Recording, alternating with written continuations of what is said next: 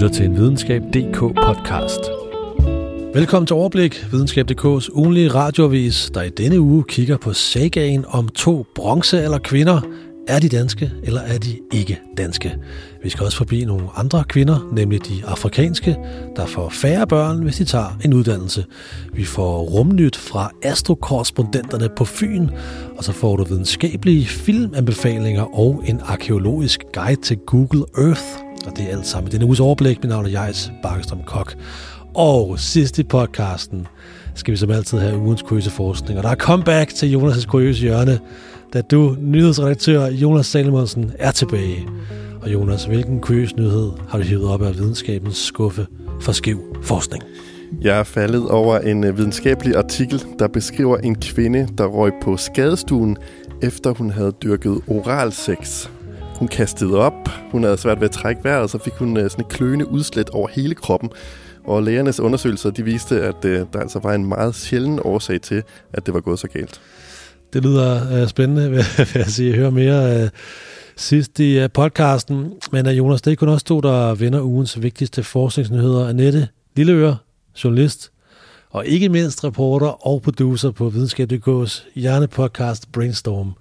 Velkommen i overblik. Tak for det, Jais. Du har debut i uh, overblikket af startopstillingen, så hvad, du får lige sport, et sportsjournalist spørgsmål. Yes. Hvad føler du lige nu? Øh, jamen, jeg er faktisk en lille smule uh, præstationsangst. Uh, blandet med lidt koldt sved, tror jeg. Uh, okay. Sidde sådan over for to uh, skarpe og gavede overbliksjournalister ah, her. Nu, nu, nu, nu smiger du. Det skal nok gå. Det skal nok gå. Nu bliver jeg nervøs. Nu bliver jeg nervøs. Jamen, det er godt, så kan vi alle sammen være nervøse. Så kan vi alle sammen være nervøse og svede koldsved ind i uh, studiet her. Og på uh, øh, Brainstorm, som du har producer på, nettet, så kan jeg lige smide en lille opfordring afsted. Øh, hør denne uges øh, episode, der handler om psykedeliske stoffer.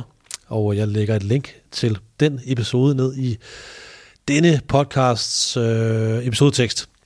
Nå, vi skal i gang med ugens vigtigste forskningsnyheder, og de første vi møder i vores rundtur i uh, nyhedsjunglen er Ægvedpigen og Skrydstrup Kvinden, fordi øh, nyere forskning har vist, at de to bronzealder kvinder ikke kommer fra Danmark. Men øh, nu er der kommet helt ny forskning, der måske rokker, rokker ved den opfattelse. Og Jonas, øh, historien er sådan lidt uh, talk of the town uh, i, i videnskabens verden her ja. i Danmark i øjeblikket. Så hvad er det nye studie, det viser? Det viser ifølge forskerne bag, at Ægtved-pigen og Skrydstrup-kvinden, de altså sagtens kan være op, vokset op i Danmark, faktisk blot 10 km fra deres gravsteder ved Ægtved og Skrydstrup. Og det siger de jo, at det jo er en noget mere nærliggende forklaring, end at de skulle være indvandret fra et sted i udlandet. Ja, Ja, og den, øh, den forklaring der, som du refererer til der, det er altså noget forskning fra 2015 og 2017, som øh, øh, peger på det her med, at de er øh, og øh, den forskning bygger på analyser af grundstoffet strontium i ægtepigen og skrydstrupkvindens tænder, hår og negle. Og øh, det nye studie, Jonas, det er også kigget på strontium, og hvad er det, det nye studie, øh, hvad skal man sige, peger på i forhold til de andre studiers strontium-analyser? Jamen det viser, at øh, landbruget over de seneste 100 år, det kan have forurenet de strontiummålinger, som man har baseret de tidligere studier på. De her tidligere analyser af strontium i vandet i Danmark, øh, de stemte ikke overens med det strontiumniveau, som man så fandt i øh, tænderne og håret og neglene på øh, ægtvedpigen og skudstrupkvinden, som de havde haft i deres yngre år. Og derfor har man så antaget, at de var vokset op i udlandet, og derfor indvandret i Danmark, altså fordi at deres niveau af strontium ikke stemte overens med, med Danmark. Men det nye studie, der har, de så, øh, der har de så målt i vandområder, som ikke har været påvirket af landbruget, altså ikke har været øh, forurenet af landbrugets øh, gylde osv. Og, og i, i de områder, der, der passer strontiumniveauet meget, meget fint med både ægvedpigen og skrydstrupkvinden. Så ifølge forskerne bag det nye studie, så kan de altså sagtens være vokset op i Danmark alligevel. Ja, okay. Så det er altså landbruget, der, der altså er nøglen til den her videnskabelige fejde. Ja. Har landbruget øh, ødelagt de her strontium-analyser af de her to kvinders øh, hår til og negle? Det er det, der er spørgsmålet. Men altså Karin Frey, der er forskningsprofessor på, på Nationalmuseet, der altså står bag den her tid, tidligere forskning øh, fra 2015 og 2017, som øh, parentes bemærket blev ligesom lanceret som revolutioner, og det øh, altså var de, og, og er de jo stadigvæk, fordi de totalt rykker ved vores opfattelse af de her to kvinders hvad skal man sige, øh, op, ophav, kan man sige. Men altså Karin Frej, hun fastholder konklusionen af sine undersøgelser. Ja, hun mener fortsat, at de her to bronzealderkvinder, de kom langvejs fra. Altså hun er ikke overbevist af det nye studie, fordi det ifølge hende bygger på nogle vandprøver, hvor koncentrationen af strontium, de er for lave til at være biologisk relevante for mennesker, siger hun. Altså det er en ret teknisk diskussion, som Karin Frey hun vil udgive en videnskabelig artikel om senere. Men altså helt kort, så mener hun, at forskernes tolkning af det nye studie er forsimplet og forkert. Og hun har jo selvfølgelig en, øh, en interesse i at forsvare sin gamle konklusion om, at de her bronzealderkvinder, de var indvandrere. Men til hendes forsvar, så skal man altså huske på, at det altså trods alt er hende, der har udviklet den her strontium-metode, så hun ved, hvad hun snakker om. Ja, det, øh, det, det må man sige. Øh, Helle Vandkilde, der er professor i arkeologi ved Aarhus Universitet, hun bakker også, hvad skal vi sige, Karin Frejs, Karin Frejs øh, konklusioner op øh, stadigvæk. Ja, hun minder om, at øh, kvinder fra bronzealderen generelt har nogle meget anderledes strontiummønstre end mænd, hvilket peger på, at kvinderne har været meget mere mobile end mænd dengang, fordi de formentlig blev gift bort til mænd i fjerne egne. Og det hænger meget godt sammen med fortællingen om, at Ægtved-pigen og Skudstrup kvinden, de var indvandret fra udlandet. Og vi har også talt med to britiske arkeologer, som synes, at det nye studie er spændende, men de mener altså også til besindighed og opfordrer til, at man får lavet nogle flere analyser af fund fra mennesker og fra dyr, så øh, vi måske en gang, øh, en gang for alle kan finde ud af, om de her to bronzealderkvinder var opvokset i Danmark eller indvandret hertil. Det bliver spændende, og øh, svaret er som sædvanligt, mere forskning skal der til. ja, tak. og øh, bare lige for lige at bare lige stå det fast, øh, hvorfor det er, vi snakker om det, og hvorfor det er overhovedet vigtigt. Det er altså fordi, at Ægvedpigen og Skrydstrup-kvinden er to nationalklenoder, kan man godt sige. Og øh, altså, det, det rykker simpelthen ved historieskrivningen, ved, Danmarks, ved, ved hvad det, historieskrivningen og Danmarks historien, mm. hvis det er, at forskere kan påvise, at de kommer altså ikke fra det, vi i dag kalder Danmark, men fra det, vi måske i dag kalder Tjekkiet, som har været bud og sådan nogle ting. Ikke? Så ja. det, er, det er altså Danmarks historien, der er på spil her. Ja, det piller også ved nogle øh, nye politiske strømninger, ikke? hvor man jo snakker jo. om, om, hvad er en ægte dansker, og dengang, jamen altså, hvis man er kommet fra udlandet, og sådan, hvem er ja. vi egentlig så? Præcis. Det er, der, er, der er store kulturelle øh, spørgsmål på spil her også. Nå, vi hopper fra mørket i en øh, bronzealdergrav til mørket i en biografsal, fordi øh, dokumentarfilmfestivalen Copenhagen Ducks venter lige om hjørnet, og festivalen har et særligt program for film om videnskab, der hedder Copenhagen Science. Og Annette, du har tjekket programmet ud, og du er nu her med vores dokumentarfilm-korrespondent. Så yes. øh, du har fundet nogle anbefalinger, og du har fundet tre af slagsen. Så hvad er den første anbefaling til vores lyttere, som de skal se på Copenhagen Science? Yes, det var svært, for der er virkelig mange, øh, bare på Science-programmet, der er virkelig spændende. Ja.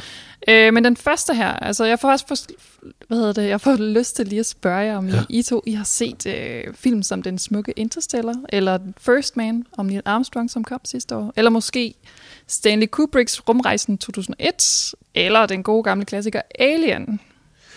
Jeg har set uh, Rumrejsen 2001 og Alien 1, 2 og 3. Så du er en lidt mere ældre afdeling, ja. ja jeg har set de, de første to, som er vist de nyeste, uh, Interstellar og First Man, så yes, også sidste år. lige præcis. Og du er ikke så meget yngre end mig. Jeg synes faktisk, det er lidt utroligt, Jonas, ja. at uh, der går et skæld der. Eller jeg fik Nå. først fjernsyn meget sent. Nå, okay, det er Ej, derfor. Ikke.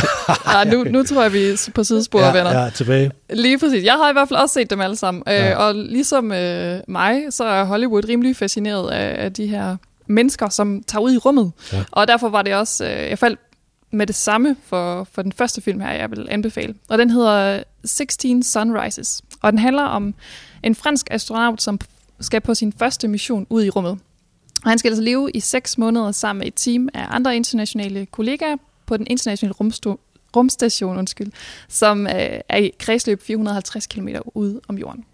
Og i dokumentaren, der er man med på hele rejsen, både fra afføring og så øh, til den helt almindelige hverdag, som øh, både byder på løbebåndsaktivitet og saxofonøvning, og så det her helt daglige kammeratskab. Ja. Øhm, og så selvfølgelig også på, på vej ned på jorden igen.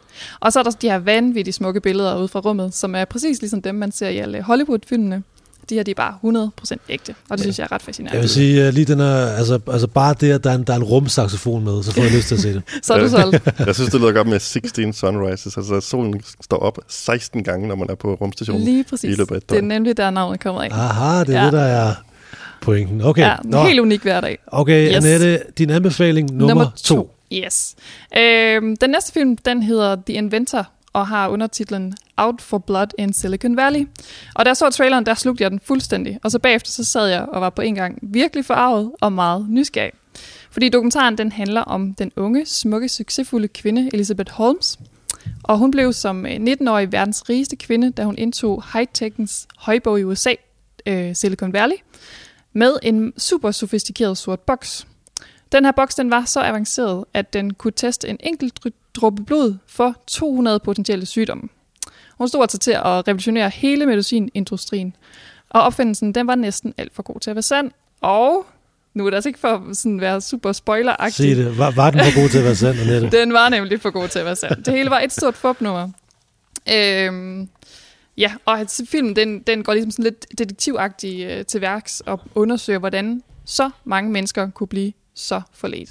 Ja. Øhm, så den er helt sikkert også. En svindler i Silicon Valley. Yes. Okay, og tredje og sidste anbefaling uh, på Copenhagen Science. Yes. Det er faktisk ikke en helt klassisk biograffilm. Det er en uh, virtual reality installation, mm. som hedder Spheres, uh, og som handler om universets lyde.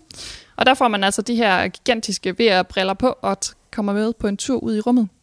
Og man kommer både forbi solen og Big Bang, og så får man lov til at opleve to sorte huller, som kulminerer lige for en næsetime på en. Stærkt. Yes, og det er den prisvindende instruktør Darren Aronofsky, hvis jeg siger ja. det rigtigt, som blandt andet øh, også har lavet den øh, meget smukke Hollywood-film Black Swan, ja. øh, som har lavet den her. Så den har ret store, øh, den installation har ret store forventninger til os. Og den kan også ses under hele Copenhagen Docs. Man skal bare huske at booke tid. Ja, men øh, stærkt med, med virtual reality oplevelser, to sorte huller, der smadrer lige i fjeset på en. Ja. Det synes jeg lyder ret øh, fascinerende. Og jeg kan lige sige, at øh, Copenhagen Docs som indeholder Copenhagen Science, løber fra den 20. til den 31. marts i København. Og som øh, Ole Mikkelsen fra Hedengangne Filmmagasin Bogart sagde, film skal ses i biografen. og der fik jeg afsløret, at jeg er virkelig, virkelig gammel nok til at huske Bogart på DR. Men måske skal forskning ses i din dagligstue. Uh. Fordi jeg var på festivaler, så skal jeg lige hurtigt... Øh, lige give øh, hvad hedder det, Forskningsstøjen øh, Festivalen en lille, øh, lille mention her, og, øh, og Forskningsstøjen løber ikke i døgn, men en hel uge, øh, lidt forvirrende. Men under Forskningsstøjen, der kan man få en forsker ud og holde et foredrag på øh, ens arbejdsplads, eller ens lokale forening, eller hjemme i sin øh, dagligstue, hvis man er til den slags. Fordi ordningen bestilte forskere har fundet, øh, altså legnet øh, hundredvis af forskere op, der er klar på at øh, hvad hedder det, tage ud og holde foredrag om deres forskning. Og det er ganske gratis. Man skal bare samle et publikum på mindst 20 personer. Man skal stille lidt øh, lokal øh, til rådighed, og også nogle faciliteter, hvis det er noget med en øh, PowerPoint, øh, et eller andet. Ikke? Og øh, foredragene kan bookes frem til den 29. marts, så man kan stadig nå det. De skal afholdes i øh, perioden 24. til 30. april, som er den der festival Forskningsstøjen, der hvor den løber af stablen. Og der er foredrag om alt fra isfisk, har jeg læst, og etik og moral. Også et, øh, et øh, foredrag, som jeg faktisk meget gerne vil se øh, om psykedeliske stoffer, med Jesper Langgaard Christensen, som medvirker i Brainstorms to episoder om Stærkt. psykedeliske stoffer. Det, det kan jeg faktisk godt varmt anbefale Jespers foredrag der. Jeg lægger et link til bestilt forskerordningen ned i episodeteksten til denne podcast, så tjek det ud. Vi skal tilbage til arkeologien, øh, Jonas, fordi at øh, nu kommer der en historie, som ikke handler om gamle fund af bronzealderkvinder, men øh, måske øh, fund af nye arkeologiske øh, genstande og, og øh, byggepladser og alle sådan nogle ting der, fordi et forskerhold har fundet en ny vikingeboplads på Vestjylland, blandt andet ved hjælp af Google-tjenesten Google Earth. Og en af arkeologerne bag fundet, Michael Wennersdorf, der er museumsinspektør på Museum Vestjylland, har forklaret til os, hvordan øh, alle kan bruge Google Earth til at lave nye arkeologiske fund. Og Jonas, du sidder klar med guiden, så øh, hvordan gør man? Ja, som det første, man skal gøre, det er jo selvfølgelig, at man skal downloade det her program Google Earth, hvor man uh, kan zoome ind på satellitbillederne. Og så kan man ellers uh, være sofa-arkeolog derhjemme. Jeg tror, det er det, du henviste til, da du sagde, at man kunne få forskning hjem i sin stue. Men her der kan man altså gøre okay. forskning hjemme i sin egen stue, hjemme fra, hjemme fra uh, sofaen med en laptop på, på skødet og det her Google Earth-program. Og så skal man simpelthen bare vælge et område, som man vil undersøge og zoome ind på, og øh, sådan så man ser området for to kilometers højde. Og så er det bedste at fokusere på marker, hvor der er allerbedst chance øh, for at finde noget, og især hvis man kigger over i Vest- og Midtjylland. Okay. Og øh, næste punkt øh, i guiden her, det er så, øh, altså hvad er det, man så skal kigge efter? Ikke? Der skal man så kigge efter markernes farve. Ja, fordi den mark, man så har fundet i det her område, man, man kigger på, øh, den skal så helst have et farvespektrum, som enten går fra grøn til gul, eller fra gul til orange. Så er det nemlig nemmest at finde noget. Ja, godt. Så det skal man kigge efter, og så skal man også kigge efter mørke plamager. Ja, fordi at øh, kigger man efter de her mørke pletter, øh, som øh, særligt de, øh, hvis de står på li- linje, sådan nogle mørke pletter, så kan det øh, indikere, at der engang har stået stolper på de steder, til for eksempel et vikinghus. Fordi dengang i vikingetiden, hvor man gravede hullerne ud til stolperne, der er der røget en masse øh, næringsrig øh, muld og affaldsjord fra bopladsen ned i hullerne. Så de øh, jordtyper, de har ligget og givet næring og fugt til afgrøderne, som er vokset ovenover lige siden. Og derfor så kan afgrøderne altså lige der se lidt mørkere ud på satellitbillederne. Ja. Og når man så har fundet øh, nogle mørke plamager på de her marker her, så skal man så zoome ind. Ja, så, øh, så zoomer man nærmere ind øh, og ser, om man kan finde spor efter nogle andre stolper, nogle vægstolper. Og, og de ser sådan ud, at de kan have efterladt øh, et øh, cylinderformet omrids på satellitbillederne.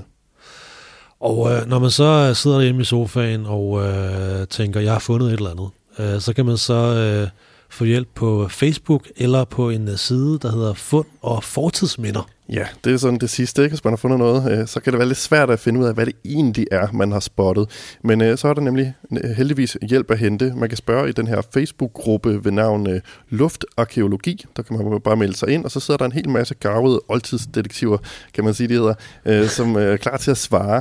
Og øh, man kan også øh, tjekke Slots- og Kulturstyr- Kulturstyrelsens hjemmeside, som hedder øh, Fund og Oldtidsminder hvor man så kan se, om museerne allerede har registreret et fund i, i det område, man kigger på. Og så kan man måske finde ud af, hvornår ens fund det så stammer fra, hvis de altså kender til det i forvejen. Og hvis det ikke er inde på den her hjemmeside, øh, som hedder Fund og Oldtidsminder, så kan det jo være, at man har simpelthen fundet noget helt nyt hjemme fra sin sofa. Stærkt. Det er altså for sejt. Ja, det, det, Det vil tror jeg jeg, jeg sige. skal må prøve i weekenden. Ja, det skulle jeg lige til at sige. Nå, Jeg vil helt lyst til. Nej, det er ikke noget. Det får jeg også lyst til. Hvad, Annette, skal vi ikke sidde sammen i weekenden Gerne. og bare og kigge efter Google sorte Earth huller. og plamager og alle mulige marker? Tørre marker. Ja. Ja. ja. I Østjylland. øh, ja, hvor, hvor du kommer fra. Præcis. Ja, okay. Ja, så jeg tror ikke, vi skal kigge i Ballerup. Der er ikke så, der er ikke så mange marker. hvor jeg Ej, kommer. undgå asfalt. Det er Ja. ja. godt. Asfaltmarkerne i Ballerup. Godt tip. De gemmer ikke på noget. Nå. Nu taster vi Afrika ind i Google Earth, fordi i sidste uge, der var det kvindernes internationale kampdag, og det glemte, vi, eller det glemte jeg at nævne i sidste uges øh, overblik, hvilket var oplagt, fordi at sidste uges overblik udkom på kvindernes internationale kampdag. Men nu gør vi, øh, hvad hedder det, skaden god igen, jeg håber jeg, ved at lige omtale et nyt studie, som har undersøgt øh, afrikanske kvinders uddannelsesniveau. Og Annette, hvad er det, det her nye studie viser? Jamen altså helt kort, så viser studiet, at jo højere uddannelse de her afrikanske kvinder får, jo færre børn får de også. Ja, så jo højere uddannelse, jo færre børn. Ja. ja. Og øh, så kan vi lige, øh, hvad skal man sige, bare lige øh, underbygge det resultat med at lige tale lidt om metoden. Altså, hvordan har forskerne ligesom øh, fundet frem til det her? Jamen det er faktisk øh, flere forskellige forskere, der over en lang årrække har øh, samlet data fra 18 forskellige øh, afrikanske lande syd for Sahara-ørken, hvor det er ligesom problemet med, med for mange børn. Øh, ja, det er en, Ja, ja, en hel det- diskussion. Øh, Der, det, det er et stort problem. det er nemlig et stort problem. rigtig mange børn og sådan noget. Ikke? Jo, øh, så det er der, man har undersøgt syd for Sahara-ørkenen. Ja, yes, check. Øh, og den her store mængde data har så gjort, at forskerne har kunne lave statistik øh, på baggrund af intet mindre end over 2 millioner fødsler fra 600, altså over 650.000 kvinder. Så det er ret, altså ret stor datamængde, man Ja. har haft gang i. Stor datamængde og øh, samlet en masse forskellige datasæt og sådan noget der. Ikke? Ja. Så det meget godt lige at skrive sig bag øret øh, i forhold til resultatet her. Og øh, studiet øh, tæller ind i hele debatten om overbefolkning, som øh, øh, hvis vi taler lidt om øh, øh, hvad det, fighten omkring øh, bronzealderkvinderne, at det er, det er også lidt en varm, varm kartoffel. Overbefolkning, ja. det er en meget, meget varm kartoffel. Meget varm kartoffel. Der snakker man jo om, øh, at man skal bruge en masse prævention, øh, sende det ned til Afrika og nærmest tæppebumpe dem med kondomer. eller man kan snakke om over i, i Kina, der, har man snakker om, øh, der har man jo haft den her etbarnspolitik. ja. Måske skulle man have det andre steder og sådan noget. Ikke? Så ja. nogle hårde løsninger, man er kommet frem med indtil videre. Ja, ja, det er sådan en eller anden form for meget overordnet ressourcespørgsmål og sådan øh, klimaspørgsmål. Hvis der er for mange mennesker på jorden, øh, kan vi så få det hele til at hænge sammen her. Ikke? Så det, det, det er bare lige for at sige, at det, det er ligesom hele den debat, det her studie tæller ind i.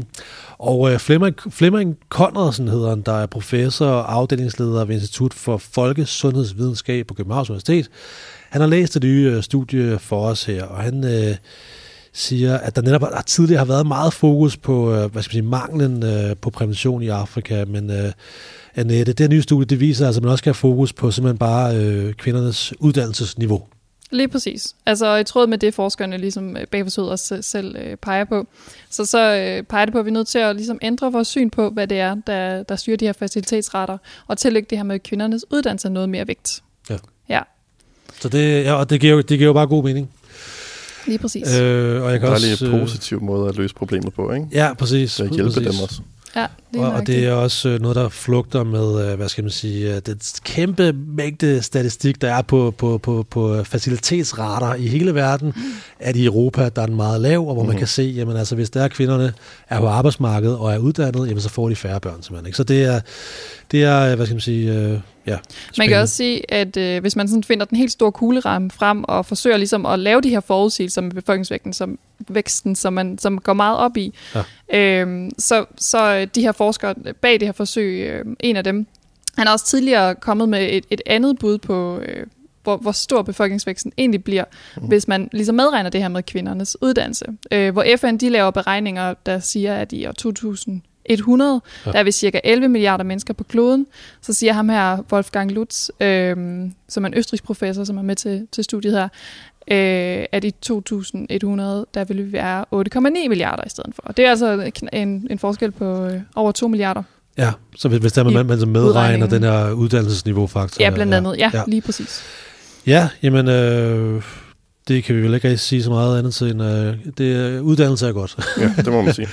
Nu er det blevet tid til at bevæge sig ud i verdensrummet, fordi nu skal vi have ugens vigtigste rumnyheder fra Overblikks astrokorrespondenter Henrik og Helle Stub, som jeg talte med tidligere på dagen. Ja, Helle, øh, udover en masse forskningsnyheder, så har ugen også budt på en masse regn. Så vi skal lige have status øh, på jeres øh, gåture på øh, stierne der omkring øh, Lange Sø på Fyn, øh, hvor I bor. Øh, er de lige så mudrede som i øh, sidste uge? Ja, jeg tror, jeg må melde, at situationen er stort set uændret, så det er der ikke meget grin ved. Men jeg kan da sende dig en sms, når det bliver solskin.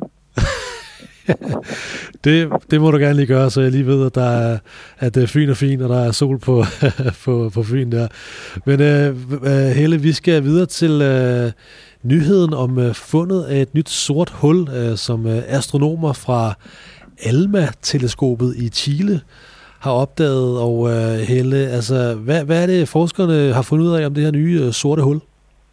Ja, de har fundet ud af, at det vejer godt 30.000 gange så meget som vores sol, og at det nogenlunde er på størrelse med vores solsystem i udstrækning, måske lidt mindre end da, og at det ligger temmelig tæt ved Mælkevejens centrum, bare 20 lysår fra selve centret, hvor der i forvejen findes et meget større sort hul.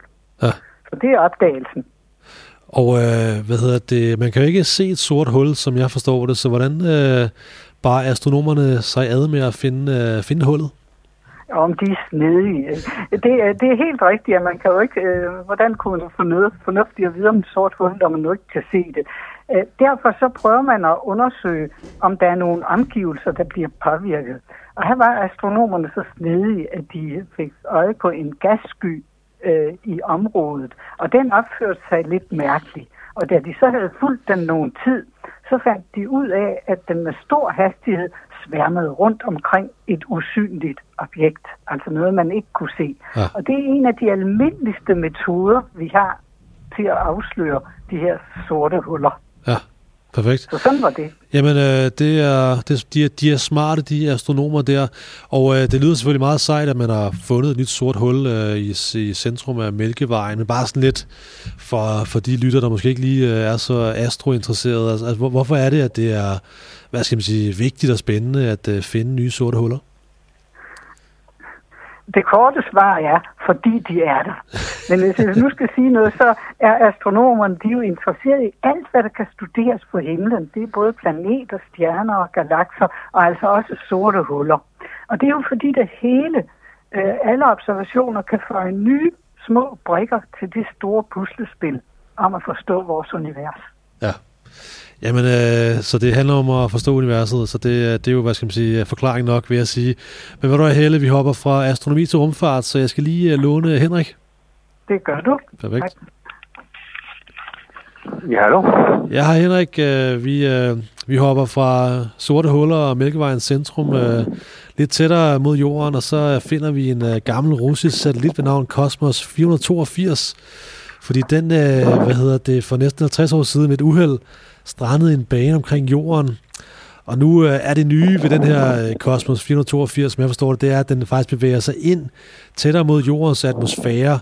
Og øh, det giver så anledning til at tale om Venus, øh, fordi at øh, hele ideen med den her mission øh, Cosmos 482 var, at den skulle lande på Venus i år 1972, og det kom ja. den så ikke til. Så Henrik, lidt, lidt kort fortalt, altså hvad, hvad, hvad der gør, at øh, Venus øh, var interessant for russerne dengang der? Fordi da Romaland startede, der var Venus et meget mere tillokkende mål end Mars. Og det er fordi Venus er en planet på størrelse med Jorden. I modsætning til Mars, så har Venus en tæt atmosfære, og den er omgivet af skyer. Og man mente dengang, før Romalands begyndelse, at der var gode muligheder for, at der under skylaget kunne findes haver, kontinenter og måske planter og dyr. Derfor blev den første rumsonde, der sendt afsted, det var den russiske Venus 1. Den blev sendt mod Venus og ikke mod Mars. Og den var der udstyret med en kugle, der kunne lande i vand, fordi man faktisk troede, at der kunne være have på Venus. Det varede dog ikke ret længe, fordi amerikanske målinger foretaget med Rigner 2 i 1962, de viste, at Venus sandsynligvis var næsten 500 grader varm. Men nu ved vi, at Venus sandsynligvis for milliarder af år siden har haft meget mere vand, end den har i dag. Og øh, derfor kan der godt være opstået liv på Venus for flere milliarder år siden, i hvert fald mikroskopisk liv. Efterhånden som drivhuseffekten på Venus løb løbsk og temperaturen steg og steg, så kunne dette liv være søgt op ad gennem atmosfæren, op i det øvre atmosfæredag, hvor der er ret meget køligt. Russiske rumsonder, der har ballonger nede i den tætte atmosfære, har vist, at disse mørke områder, der er så mørke pletter i venusskyerne, der er der nogle mikrometer store øh, partikler, der måske og måske ikke kan være mikroorganismer. Derfor er det fuldstændig uafgjort. Ja. Og derfor kunne det være interessant at vende tilbage til Venus for at undersøge, om der faktisk i skylaget 50 km over overfladen eksisterer mikroskopisk øh, liv. Ja. Så, så, så, så hvad skal man sige, hvad skal man sige de, de store rumfartsstationer kunne godt finde på at lave en ny uh, Cosmos 482-agtig uh, uh, mission til Venus for at undersøge, om der måske er de her levende mikroorganismer det, på Venus? Det vil være meget mere moderne i dag. I dag vil man nok ikke gå ned mod overfladen. Uh, Cosmos 482 skulle være landet på Venus. I dag er nok mm. så interesseret i at undersøge skylaget. Det er deroppe, det er virkelig interessant, der sker. For vi ved jo i dag, at der findes uh, mikroorganismer, der godt kan trives i svovlsyre og kan leve af svovlsyre. Mm. Så det har gjort det meget mere interessant, end man troede for nogle år siden. Ja. Jamen altså, det lyder spændende. Liv på, øh, eller, eller muligt liv på Venus. Øh, det bliver spændende ja. at følge. Men uh, prøv at høre, uh, jeg håber, at uh, hvad hedder det, sol, uh, solen vil bryde frem over Fyn, uh, og så vil jeg sige uh, tusind tak, fordi I var med, Henrik og ja, Helle Stub, i uh, denne uges overblik. Og efter ugers pause kan vi nu igen byde velkommen ind i Jonas' kuriøse hjørne. Jonas, take it away. jo, tak. Og jeg beklager på forhånd over for sarte sjæle, men det mest mærkelige og kuriøse, jeg har stødt på i den her uge, det er altså en videnskabelig artikel fra det samme tidsskrift, som uh, bragte historien om en aarhusiansk mand med en tand i næsen, som I talte om i sidste uge. Fordi igen, så har læger øh, delt en meget sjælden oplevelse, som de havde, da en 31-årig spansk kvinde, hun røg på skadestuen i byen Alicante. Øh, kvinden, hun øh, døjede med vejrtrækningsproblemer, hun kastede op, og så havde hun kløende udslæt over hele kroppen. Øh, og efter flere indledende undersøgelser, så kunne kvinderne fortælle hende, at hun øh, oplevede en allergisk reaktion fra sæd, øh, som hun havde haft i munden, øh, da hun havde dyrket oralsex. Mm. Øh, og det er altså øh, meget sjældent, men øh, sædallergi er faktisk en ting, og lægerne kalder det, øh, det, det for seminal plasma hypersensitivitet. Okay. Og øh, Øh, sæd det er faktisk en øh, forholdsvis øh, kompleks blanding, og der er en, en del forskellige ingredienser, såsom øh, proteiner, som kan udløse allergi. Øh, og i det her tilfælde, der fandt lægerne så ud af, at øh, kvindens mandlige sexpartner, han havde taget to slags medicin, ibuprofen og, øh, og en type penicillin, øh, fire timer før øh, sexakten. Og, øh, og det var derfor, ifølge lægerne, øh, penicillinen, som havde udløst den her allergiske reaktion øh, i kvinden. Og, og det passer meget godt med, at kvinden som barn faktisk havde fået diagnostiseret penicillinallergi. Øh, så ja, lægerne de har også sådan en, en afsluttende anbefaling, som, øh, som de ja. siger på baggrund af den her oplevelse. Det er, at, øh, at man skal huske at bruge kondom, øh, hvis man øh, tager nogen former for medicin, som ens partner kunne være øh, allergisk overfor. Ja. Så husk lige, jeg ved ikke, om, øh, inden man går i gang, så lige spørge, om, øh, om øh, sexpartneren er allergisk over for et eller andet. Jamen, øh, jeg synes, det er en god måde at gå på weekend på. Ja. Øh, husk øh, prævention og lige spørge til allergier. Ja, Inden man lige går i gang med den slags der. Men altså, på den måde, så kommer vi til vejs ende i denne uges overblik. Øh, tak skal jeg, Jonas Salomonsen og Annette Lilleøre. Stærk øh, debut, Annette. Husk at trykke uh, abonner i jeres podcast-apps, så får I automatisk de nyeste episoder af Overblik i jeres podcast-feed. Send kommentarer og feedback til jbk eller skriv til mig på Twitter. Vi er tilbage med en ny udgave af Overblik om en uge. Mit navn er Jais Kok. Tak fordi I lyttede med.